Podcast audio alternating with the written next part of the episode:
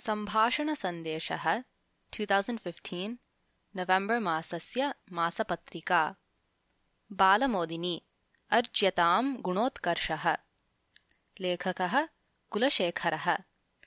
कश्चन राजा, तस्य ऐश्वर्यम् अपारम्। अनेकविधानि रत्नानि, मौक्तिकानि, वज्रवैडूर्यादीनि च तेन सङ्गृहीतानि आसन्। एतादृशी अपारा सम्पत्तिः जगति अन्यस्य कस्यापि सविधे नास्ति इति चिन्तनम् आसीत् तस्य। अतः अतिथिभ्यः तां सम्पत्तिं साभिमानं दर्शयति स्म सः। अपारमूल्यत्वती सा सम्पत्तिः भूमेः अन्तः निर्मिते विशिष्टे रक्षागृहे स्थाप्यते स्म। तस्य गृहस्य रक्षणाय एकं सैन्यदलमेव नियुक्तम् आसीत् राज्ञा। कदाचित् कश्चन सन्न्यासी राजप्रसादम् आगतवान्। राजा तं यथोचितं सत्कृत्य प्रसङ्गवशात् स्वस्य सम्पत्तेः विषयमपि अवदत्। तदा सन्न्यासी अवदत् अमूल्या सम्पत्तिः अस्ति किं तव? ताम् अहं द्रष्टुमिच्छामि इति। राजा सन्न्यासिनं सम्पत्तिगृहं प्रति अनयत्। सम्पत्तेः प्रदर्शनाय सः स्वहस्तेन एकं दीपं गृहीतवान् आसीत् दीपप्रकाशे रत्नमौक्तिकादीनि विशेषतः प्रकाशन्ते स्म। राजा सर्वाणि अपि एकैकशः अदर्शयत्।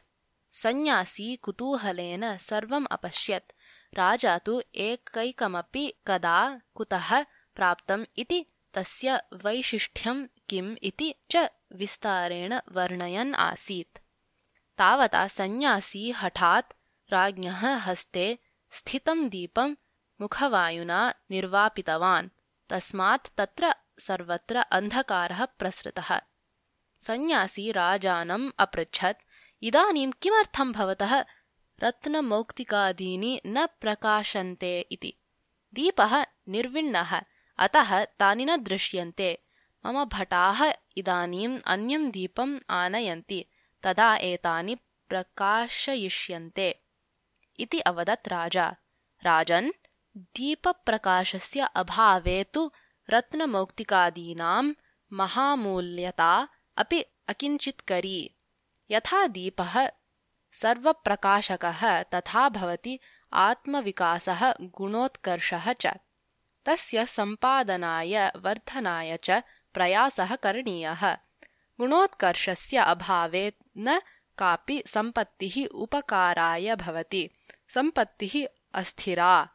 अद्य या आसीत् सा अग्रे कदाचित् विनष्टा भवेत्। किन्तु गुणोत्कर्षः तु शाश्वतः। सर्वोपकारकं तम् अर्जयितुं विकासयितुं च विशेषप्रयासः भवतु इति अवदत् सन्न्यासी। कथा समाप्ता